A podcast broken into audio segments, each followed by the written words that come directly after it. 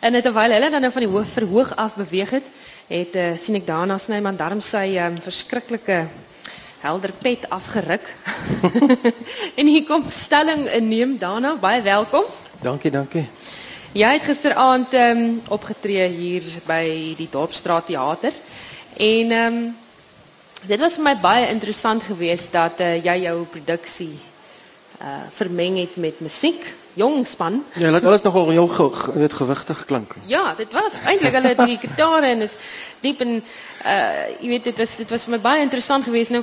Ehm um, ek het nie nodig om jou eintlik voor te stel nie. Dana Snyman is is vir niemand onbekend nie. Ehm um, hy tree op in die produksie hier huil jy net twee keer en dit is die opvolgvertoning van die suksesvolle baby as ek verbyry. Die titel van die nuwe verhoogproduksie deur Dana Snyman en Klopjag, daar sê hy kom uit die ou gesegde hier huil jy net twee keer, die dag wat jy aankom en die dag wat jy moet wegry. En dan is daar ook uh, waaroor hierdie aanbieding gaan.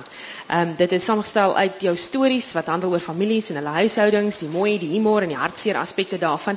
En daarmee wil ek sommer begin die hartseer aspekte. Gewoonlik as mense hoor Dana Snyman, dan skuif jy onmiddellik na jou punt van jou stoel toe en jy uh, sit en wag vir jou om nou iets snaaks kwyt te raak op jou baie droë manier. Maar gisteraand was dit vir my opvallend dat jy nie heeltemal so humoristies was nie. Jy jy het na 'n dieper kant, dieper stories gekyk. Jong, ek ek probeer myself nie te veel weet definieer vir myself nie. Ek probeer nie te veel dink oor wat oor wat ek doen nie. Ek ek probeer maar doen in in in, in op my my my ehm um, my gevoel reageer wat ek voel ek moet doen op 'n sekere manier en ehm um, ek dink net miskien is daar mense wat my probeer half dommer en vlakker dink as wat ek is. ek dink mense wantrou skrywers wat wat snaaks is want as jy 'n snaakse skrywer is dan moet jy noodwendig half dommerig wees dink ek dink hulle. Dink jy dink hulle? ek probeer maar net myself wees ek weet nie ehm um, ek probeer nie te definieer weet te veel definieer met met hierdie met hierdie produksie wat jy noem is 'n bietjie 'n hoë woord maar wat ek eintlik miskien in wese is ek is bietjie van 'n sendeling vir stories. Ehm um, ek probeer mense ek probeer siele bekeer vir stories. En en vir mense laat besef stories is baie gewone goed en ons almal het stories en en, en stories is nie iets verhewe nie en skrywers behoort ook nie iets verhewe te wees nie.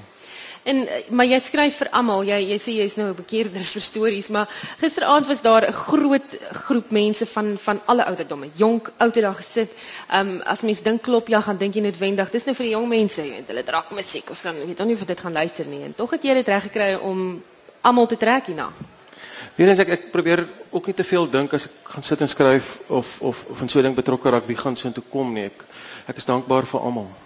Ehm um, ek is self verras nogal met jong mense. Ek ek ek, ek, ek kry nogal uh, e-posse en in in in in boodskappe oor oor Facebook oor Facebook van van van jong mense wat my self soms verras.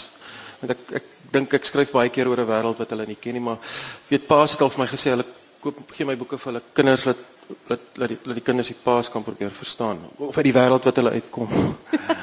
paas probeer verstaan.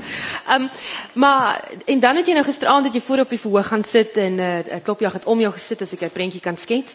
Ehm um, so half en almal so voor jou gesit met almal se tafels en hulle kosse.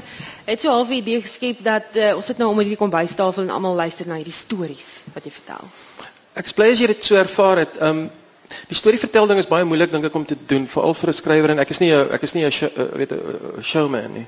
En ek en ek dink die die die die, hele ding wat begin het en wat stories vertel eintlik teruggebring het in ons kultuur in in ons sal ek maar sê ons moderne van die laaste 20 of 30 jaar is is is om Tolla van der Merwe in die in die eerste Spies en Plesier reeks en goed.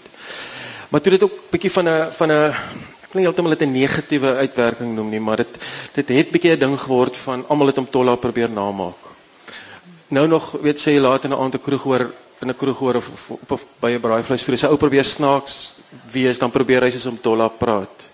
Dis amper asof brandewyn die natuurlike uitwerking op jou het om soos om Tolla te wil praat. En ek en ek dink dit het met die latere met alle respek Makelas reeks sê dit het, het baie vlak begin raak en dit het, het 'n grap makery front, weet 'n grap vertellery miskien ontwikkeling.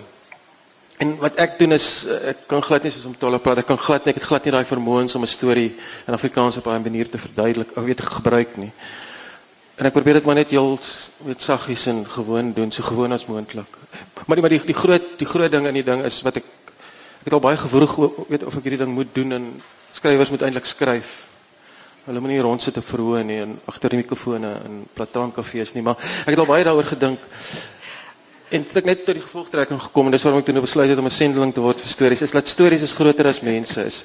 Die mense is nie daar eintlik regtig vir my nie. Ek ek is nie besonder mooi nie en ek is nie regtig 'n goeie mooi stem en 'n verteller en ek kan glad nie sing nie. Ja, nee. Maar die nee. stories trek mense. Die stories trek mense. 'n Storie is 'n ding met 'n struktuur wat mense net net intrek. Ek sal nou hier begin in 'n eenvoudigste storieetjie vertel en mense sal begin stil staan. Want 'n storie is soos 'n slaghuister. Dit is 'n slaghuister van woorde. Gepraat van stories, gisterand het jy gepraat oor jou uh, brief aan dokter professor Marie Johnson oor kommenheid.